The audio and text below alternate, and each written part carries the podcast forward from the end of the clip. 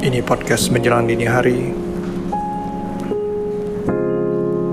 Sama gua Bang Tipen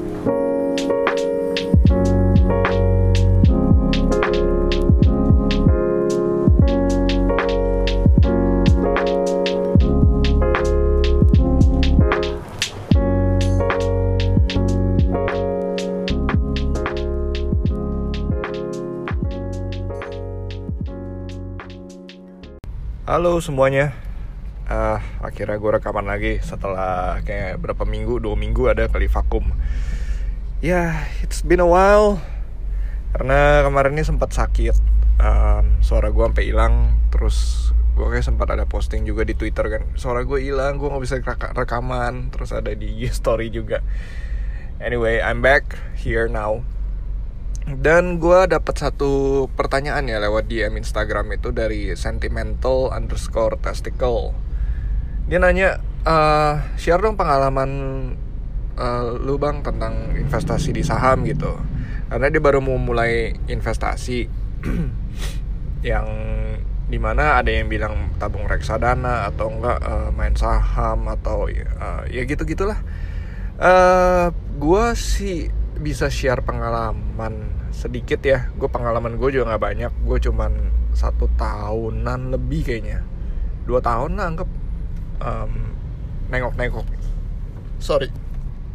Ini masih rada nggak enak soalnya um, tenggorokan terus kayaknya perut bergas. Anyway ya ya eh, kira-kira gue dua tahun lah main ada main saham gitu Nah, dia nanya gimana eh, apa sih yang bi- bisa bikin saham itu rugi gitu. Terus kalau rugi harus gimana supaya terus gimana supaya kita nggak rugi? Pertanyaannya gue lihat eh, agak negatif nih. Kalau misalnya dibalik coba gimana? Em, gimana cara kita bisa untung? Cara kita bisa cuan kalau kata orang saham itu gimana cara kita bisa cuan atau profit?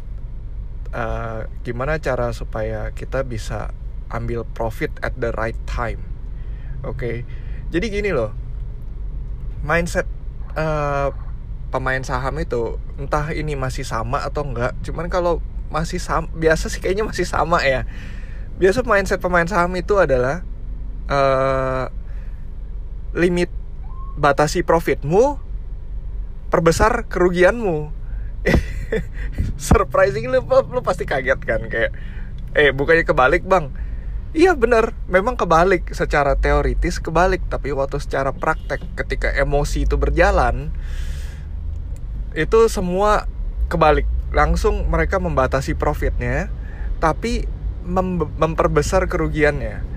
Contohnya, misalnya eh, lu beli saham BCA ada, gue jujur gue, ya, oke lah jangan sebut saham BCA ada ya, saham XYZ gue nggak tahu itu apa, anggap sekarang dia harga di 500 500 rupiah lu pegang misalnya ada 100 slot. Oke dia naik 500 tiba-tiba naik eh, 5% hari ini. Besok naik 5% besok naik lagi naik lagi naik lagi. Wah gila. Wah hebat naik terus gitu kan seneng kan. Tapi mulai ketar ketirnya aduh bisa turun nggak ya? Naiknya begini nih. Wah naiknya kenceng banget. Nanti bisa turun nggak ya? Tiba-tiba turun nggak ya? Rasa kekhawatiran itu yang akhirnya langsung eh, oke oke kita lepas. Kita kita jual aja sebagian dulu kita jual sebagian. Akhirnya setelah misalnya jual lepas 50 lot terus kemudian diturun dikit tuh. Waduh turun dikit aja misalnya naik udah naik 15% dia turun 5% waduh gila turunnya banyak banget. Aduh pusing gua. Eh, oke oke kita tahan dulu tahan dulu. Mungkin besok bisa ada ada perbaikan. Tiba-tiba besoknya turun waduh turun lagi 3% oke oke jual semua langsung. Eh, oke setelah jual semua keesokan harinya naik langsung lompat em, 8% terus besoknya lagi lompat lagi jadi 5% jadi kan otomatis lebih untung ya. Langsung lah yang kita yang pegang saham itu yang yang udah ngelepas kayak aduh kenapa gue lepas? Kenapa? Makanya saham itu sering dibilang adalah eh, apa kayak bisnis penyesalan rugi nyesel, untung juga nyesel. Untung nyeselnya waktu, aduh kenapa gua udah lepas. Waktu rugi, aduh kenapa nggak gua lepas. nah itu waktu kerugian juga sebaliknya sama. Waktu turun, hmm nggak apa-apa masih bisa naik lagi. terus turun lebih dalam lagi oke oke oke gue gue perhatiin gue perhatiin dulu ya tunggu ya sabar ya tu, uh, turun udah nyampe batas kita punya uh, batas toleransi kan kita semua pasti punya batas di mana kita mau cut loss gitu. Oke okay, dia udah nyampe batas cut loss nih. What should I do? Gue lepas atau gimana? Oke okay, gue lepas sebagian dulu 50 terus besok naik naik dikit. Oh dia ada kenaikan 5% oh dilihat dari bentuknya ini oke okay lah. Kita uh, masih bisa handle lah.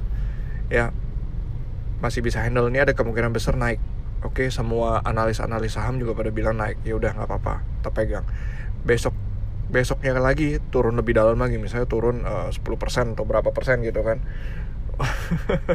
Dan akhirnya kayak aduh wah udah turun gini sayang ya kalau jual ya kemurahan. Nanti suatu hari dia akan naik lagi. Uh, ini ini ini cuman sementara. Ini cuman apa sebutannya cuman rumor cuman news nanti akan naik lagi. Ya akhirnya makin lama makin turun makin parah itu mungkin kalau kalian yang belum ngerti apa belum pernah terjun praktek dalam uh, bisnis saham ini pasti anggapannya itu mana ada sih yang begitu gue akan disiplin lah itu gue tenang aja kalau gue main gue bakal disiplin. Trust me dude kalau lo lo boleh tanya yang udah udah pro profesional yang bener-bener dia ngeliat chart sendiri ya bukan pakai sistem yang tinggal lo ikutin aja sistem gitu Enggak, tapi yang mereka yang bener-bener um, baca chart dan mungkin kalau mereka sistem mereka bikin sistem sendiri itu kemungkinan besar akan ngalamin hal yang pernah ngalamin hal yang sama. I think ini salah satu step pembelajaran buat orang uh, ngerti betapa pentingnya disiplin dalam uh, dunia saham, dunia investasi juga ya. Um, jadi maksudnya begini, kalau saham untung supaya kita nggak rugi. Itu kayaknya agak mustahil karena pasti ada kerugian. Karena kan kita namanya investasi itu selalu ada faktor resiko.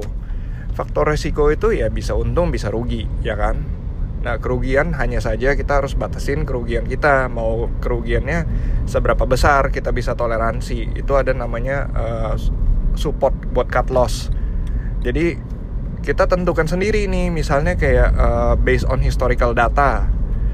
Kita coba cek dari data historiknya sejarahnya tuh gimana kan dilihat tuh dari grafiknya. Oh dulu dia pernah um, kira-kira nyampe di sini nih gitu. Terus kita kan kalau udah ngerti misalnya anggaplah si XYZ gitu kan dia harga di 500 oke. Okay? jadi di masa lalu support dia support level dia uh, itu di sekitar 400 nih. Berarti 500 kan di tengah-tengah posisinya ya kan? Nah kita mau berapa persen turun dia turun? Apakah waktu dia nyampe ke level support dia atau kita bisa toleransi penurunan 10% dari harga dia? 10% berarti kita jual di harga 450 dan itu ingat harus disiplin.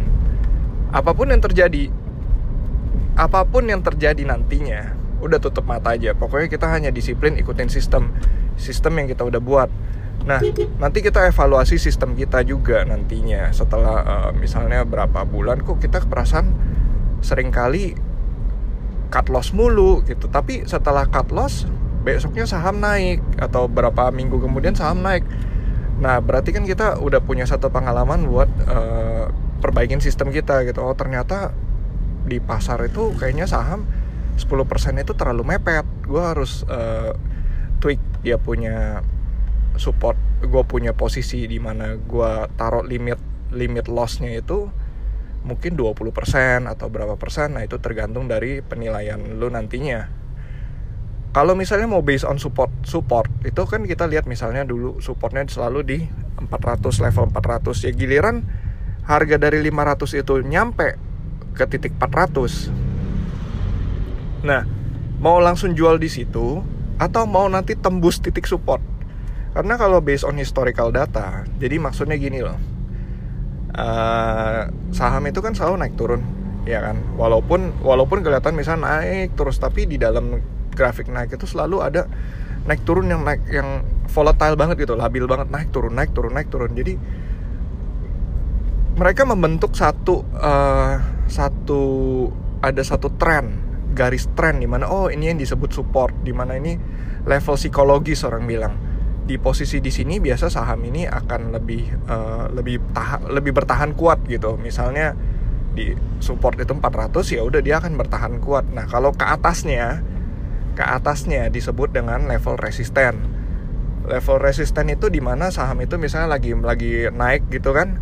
Nah itu level resisten itu ya akan membendung supaya dia nggak naik terus. Nah bisa nggak dia tembus resisten. Biasanya orang-orang yang mau take profit bis juga punya pilihan. Mau ketika dia tembus resisten atau waktu kita udah mendekati uh, resisten. Makanya itu beda-beda sih tergantung dari sistem masing-masing. Makanya uh, tapi dengan punya sistem itu jadi lu bisa lebih apa ya kerugian bisa dibatasin uh, profit juga bisa dibiarkan gitu biarkan mereka melepas tinggi. Nah itu balik lagi di praktek lapangan sih ya nggak bisa terlalu ngomong. Sistem kalau ngomongin sistem banyak banyak sekali sistem yang ada di di pasaran. Um, gue nggak perlu ngomong lah ya gue nggak disponsorin juga. Tapi gue tahu beberapa ada sistem yang terus uh, denger aja radio radio radio bisnis. Kalau di Jakarta ada 92,4 pas FM yang menurut gue uh, mereka kasih value yang lumayan besar waktu gue lagi main saham dan itu uh, it's my my own way on to give back gitu. Cara gue give back ke mereka waktu dulu. Gue sering banget dengar berita bahkan sampai sekarang dengar berita kurs aja mereka yang jadi acuan buat para pebisnis ya menurut gue di Jakarta. Oke okay, so um, kalau udah rugi gimana? Nah kalau udah rugi kalau udah rugi ya ya ya cut loss lah. Mau gimana lagi kan? Atau mau jadi uh, long term investor. Jadi kalau namanya ini ini gue ngomong secara general main saham ya. Which means berarti lu udah tahu resiko lu main saham. Dan uh, harusnya lu cari tahu lebih banyak dan gue yakin ketika lu Google mengenai belajar saham itu pasti udah langsung dikasih tahu dua hal yaitu fundamental analysis sama technical analysis yang itu bisa panjang juga ya bisa jadi satu episode tuh buat gue bahas oke okay? so um, mungkin ini next episode kali ya gue gue bahas ke mindset mindset lainnya yang penting uh, ikutin sistem itu jadi buat jaga lo punya kerugian dan kalau misalnya udah sampai rugi ya udah di cut loss aja atau you'll see what happen gitu. Kalau misalnya menurut lo fundamentalnya bagus technicalnya emang kondisi lagi jelek ya ya coba aja pegang. Gue bilang coba soalnya ya nggak ada yang tahu men. Itu serius nggak ada yang tahu namanya pasar saham ya. Di US yang data-data keuangannya aja bisa tetap ya maksudnya data-data keuangan perusahaan di Amerika itu kan lengkap banget. Itu aja masih bisa nggak jelas gitu arahnya ke mana. Apalagi di Indonesia. Di Indonesia kan data-data keuangan aja kan bisa berantakan. Juga belum lagi kalau market tuh emang lagi secara emosional dan psikologis tuh lagi bergairah terhadap satu saham tertentu. Ya gue lagi ngelirik bumi. Gue lagi nyindir bumi sebenarnya. Bu saham bumi yang waktu itu gila-gilaan cuman ada satu uh, hal yang menurut gue lu kan baru mau belajar saham ya deh buat sentimental testicle atau buat semua yang denger baru belajar saham nih ingat ya jangan pernah sekali-sekali dengar apa kata bandar. Not now. This is not your time. Oke. Okay? Kalian belajar dulu uh, main di saham blue chip dulu biar aman. Blue chip memang mahal tapi agak-agak uh, apa risk profilnya lebih rendah.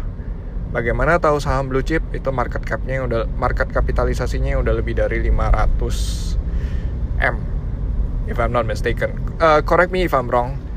Um, tapi paling gampang untuk tahu saham blue chip yang liquid itu cari di uh, LQ45 lihat aja uh, indeks LQ45 itu isinya udah saham-saham yang udah nilainya udah mantep oke okay? atau Kompas 100 gue kurang tahu sih kalau Kompas 100 gimana yang udah terjamin tuh LQ45 maksudnya apa LQ45 saham itu adalah saham-saham liquid. 45 saham yang paling liquid. Uh, liquid maksudnya gampang beli gampang jual. Nah saham itu kan sebenarnya trading intinya jual beli ya proses jual beli. ketika ada lu jual kalau ada yang beli nah terjadilah transaksi kan. Ada juga momen di mana lu jual di harga misalnya ini lembar saham gue jual di 3.500 tapi orang nggak ada yang mau beli gitu. Nilainya memang 3.500 tapi orang nggak mau beli. Ya ibarat kayak rumah di pik lah. Mereka bisa suka-suka hati aja ngomong gitu. Ini harga harga rumah gue nih 30 m. Ya, ya boleh aja ngomong nggak ada salahnya harga 30 m kan. Cuman kan misalnya kalau lu nanya uh, appraisal gitu. Appraisal ternyata nah ini mah deh harga tanahnya segala macam dengan fasilitas daerah daerah sana anggaplah cuma 10 m gitu. Tapi dia jual 30 ya sah-sah aja kalau dia mau jual 30 paling ya cuma dibilang aja kemahalan yang nggak laku-laku udah kan kelar. Ya same thing with saham. Jadi saham itu ada namanya intrinsic value. Intrinsic value adalah nilai sebenarnya saham itu berapa gitu. Cuman ya itu ada ada kalkulasinya lah boleh cari. Nah itu kalau udah lu udah ngomongin intrinsic value berarti lu udah mulai masuk ke value investing. Itu caranya si Warren Buffett. Oke? okay? Dan itu nggak gue bahas uh, karena gue bukan orang yang ngerti di bidang itu so I think you can find a lot of resources on Google itu lebih banyak lagi mengenai Warren Buffett karena dia uh, banyak sekali orang yang mau ca pakai caranya dia. Di Indonesia kita punya Warren Buffett sendiri loh, by the way. Kita punya namanya Lo Keng Hong. Nah, si Om Lo Keng Hong ini juga yang bisa dibilang Warren Buffettnya Indonesia. Dia main value investing uh, berdasarkan intrinsic value. Jadi orang-orang selalu ngikut, wah saham apa nih yang dibeli sama dia nih? Pokoknya saham yang dibeli sama dia biasanya diikutin orang. So, um, udah sampai sini aja kali ya. Tadi udah juga jawab kan gimana supaya nggak rugi oke okay. terus kalau rugi harus gimana kayak tadi ada satu pertanyaan lagi deh apa ya udah itu aja. So uh, for sentimental testicle here you are here your answers. Hope it helps um, and for everyone semoga kalian juga apa ada gain value from this episode. Okay talk to you guys next time. Bye bye